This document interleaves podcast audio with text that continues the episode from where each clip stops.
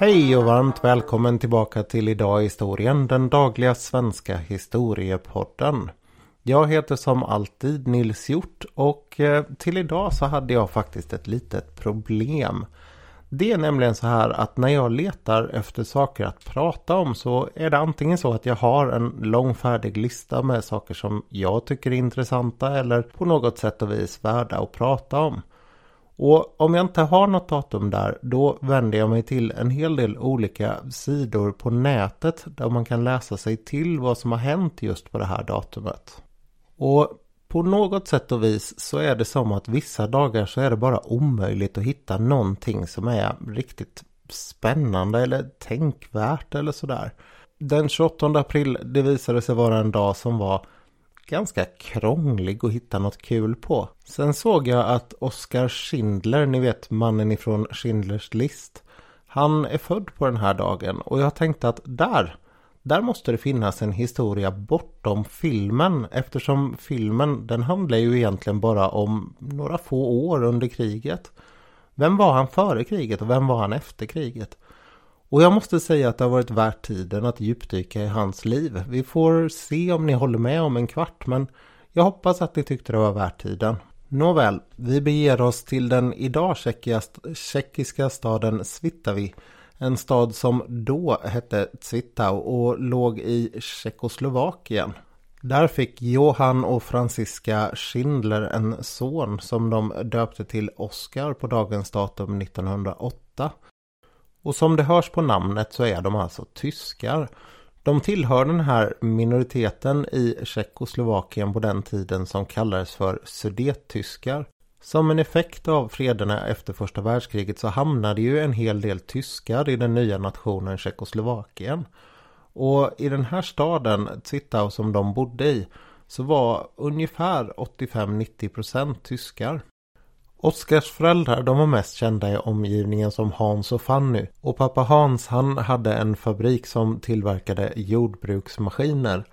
Ehm, tanken den var att Oskar skulle ta över den här en gång i framtiden och man såg till att han gick i en bra tysk skola och att han sen läste till ingenjör.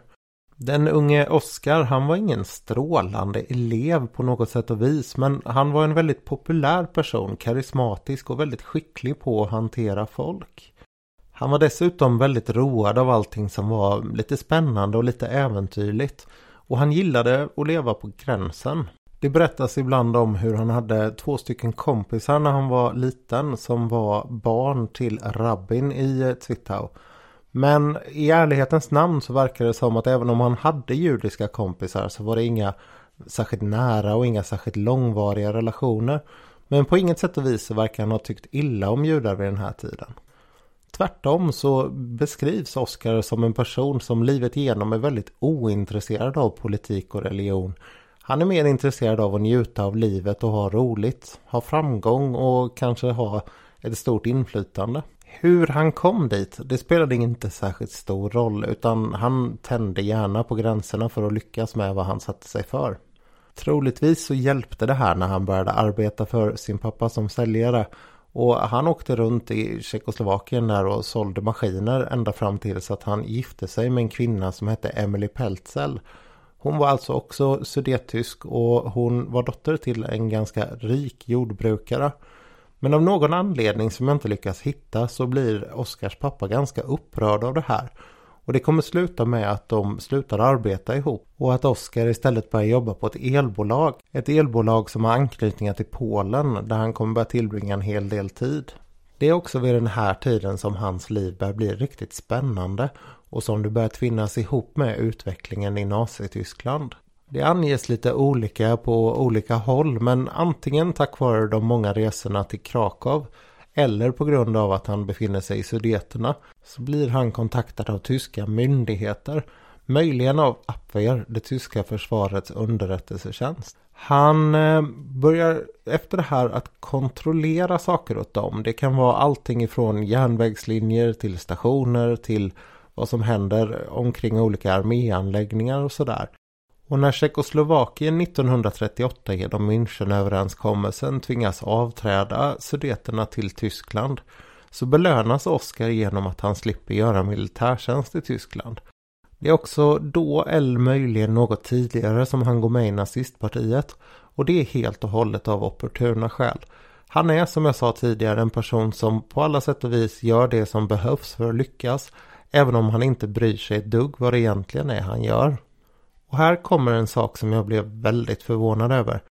Jag vet inte hur väl det här stämmer men det togs upp i en BBC-dokumentär som jag hittade och i den så medverkade också Thomas Keanelly han som har skrivit boken som ligger till grund för Schindler's list. Så med BBCs och hans trovärdighet som teckning så känner jag att det är värt att nämna det här för det är väldigt intressant om det stämmer. När andra världskriget börjar så börjar det ju såklart med att Tyskland anfaller Polen. Men tyskarna de försökte ju få det till att det först var Polen som anföll Tyskland. Och för att kunna orkestrera det här lilla intermezzot så behövde man ju lite olika saker från den polska armén. Uniformer, papper och sådana där saker. Enligt uppgift i den här dokumentären så är det Oskar Schindler som ser till att tyskarna får tag på de här sakerna.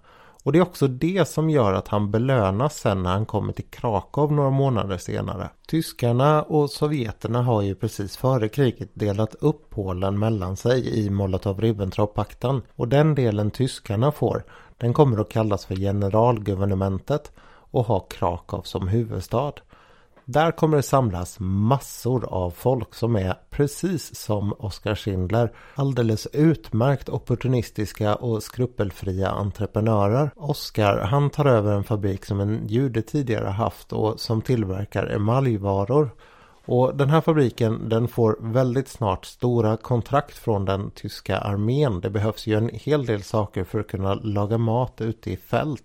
När han börjar produktion tidigt 1940 då har han 250 anställda och tre år senare så har den vuxit till 800. Det är inte så mycket beroende på att Oscar är något stort affärsgeni som på att han möjligen då belönades med armékontrakt för att han hjälpt armén tidigare.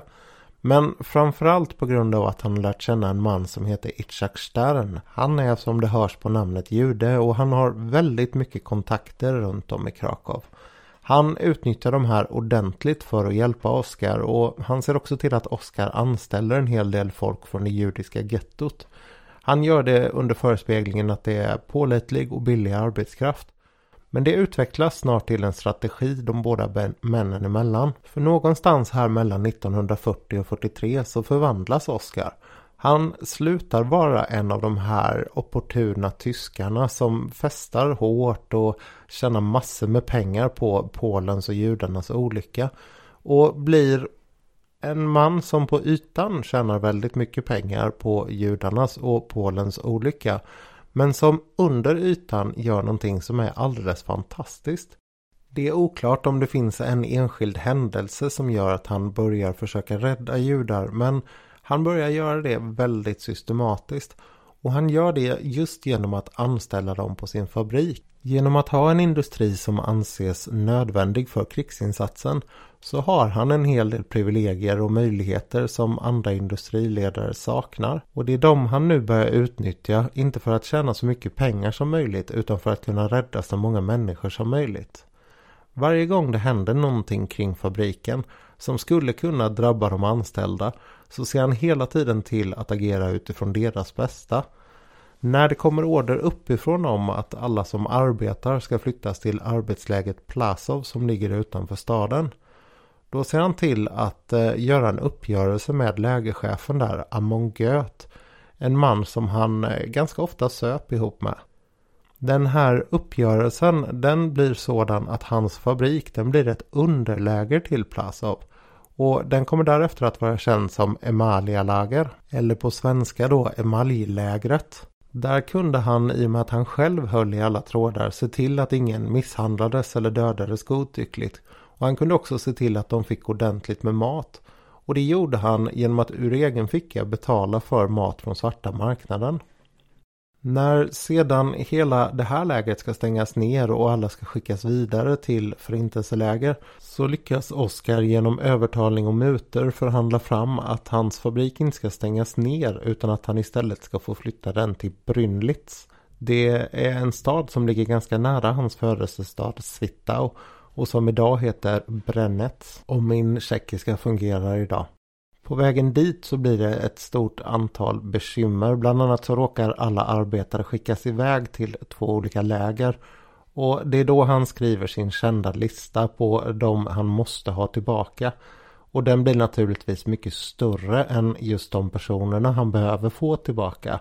Och det var så här de agerade, han och Stern. De skrev personallistor där personer som inte alls behövdes till specifika uppgifter var oerhört eh, skickliga tekniska specialister som han absolut inte kunde undvara. Han lyckas därefter starta om sin fabrik i Brynlitz och under de sju månaderna som den här fabriken är igång fram till krigsslutet så ser Oskar noggrant till att det inte tillverkas några fungerande granater. Det som man nu har fått kontrakt från armén att göra. Han gör det genom att hela tiden skylla på uppstartsproblem. Och man måste faktiskt beundra honom för det här också. Det är en oerhört iskall manöver och ett ganska underhållande sabotage mot det tyska krigsmaskineriet. Som om inte det räckte så grep han också tillfällen när de dök upp. I januari 1945 så dyker det upp två stycken tågvagnar som har kommit på vift från Auschwitz. De står utanför hans fabrik där i Brynlitz och ombord de här djurvagnarna så finns det 120 människor som har skickats kors och tvärs över Tyskland i en veckas tid helt utan mat och vatten. Hans fru Emily hon ser till att de här människorna får hjälp och samtidigt så ser hon till att när Oskar kommer tillbaka till fabriken så kontaktar han omedelbart Auschwitz och börjar förhandla för att kunna anställa de här i sin fabrik. Och det lyckas. De som inte har överlevt den här resan de vill Auschwitz att man ska bränna. Men Oskar han ser till att de får begravas på mark som han har bekostat med egna pengar. Och dessutom med fulla judiska ritualer. När freden väl kommer så samlar Oskar de anställda på sin fabrik och ber dem att inte söka hämnd mot tyskarna. Han berättar samtidigt att han kommer försöka fly västerut eftersom han hellre vill hamna i amerikanernas händer än i sovjeternas. Med sig på resan så får han ett brev från judarna när de förklarar vad han har gjort. Efter kriget så låter Oskar sitt liv tuffa på i vanlig ordning. Det är inte så att han på något sätt är en förändrad och en väldigt god människa utan tvärtom så händer saker som att hans fru hon blir gravid här och får sedermera missfall.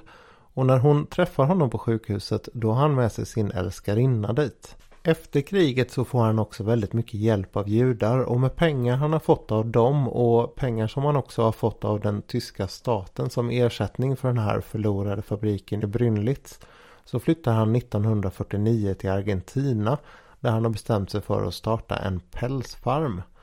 Det blir till hustruns förvåning så att han reser med fru och älskarinna och han visar sig här vara en ganska dålig affärsman.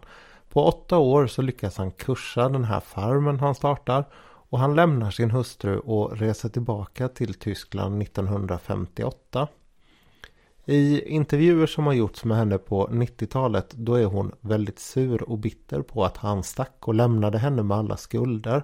Vid något tillfälle så hade han fått 100 000 D-mark. Han skickade henne 200 av dem och beklagade sig samtidigt över att han höll på att bli tjock på vin och räkor.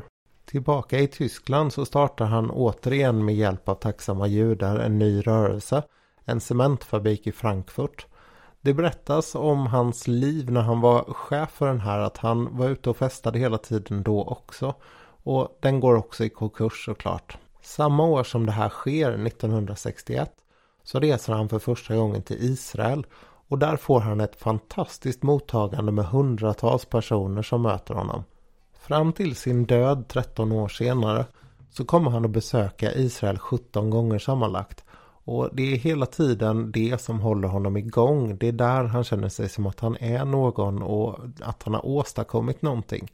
I Tyskland så finns det till och med de som är väldigt upprörda över att han har räddat en massa judar och att han på olika sätt ses som en tjallare när han vittnar om vad andra tyskar har gjort under kriget.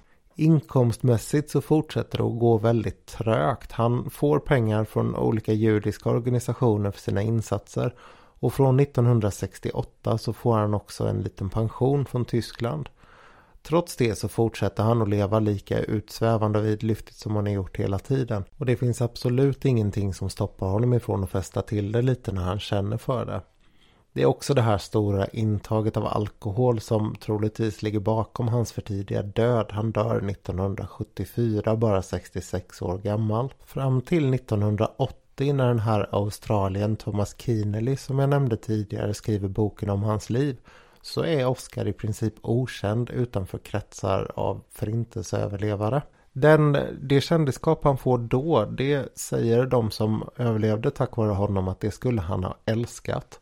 Och när filmen sen kommer på 90-talet då exploderar det och han blir ett känt namn i hela världen. Både han och hans fru kommer också att kallas för rättfärdiga bland folken. Det är ett slags utmärkelse som man kan få från den israeliska myndigheten för ihågkommandet av förintelsen. Den kallas för Yad Vashem och det finns en hel del personer som har fått en sån här utmärkelse. De allra flesta är från Polen eller Holland. Och vi kommer nog ganska snart att komma tillbaka till folk som har fått den här. Det är några intressanta namn på den listan i maj.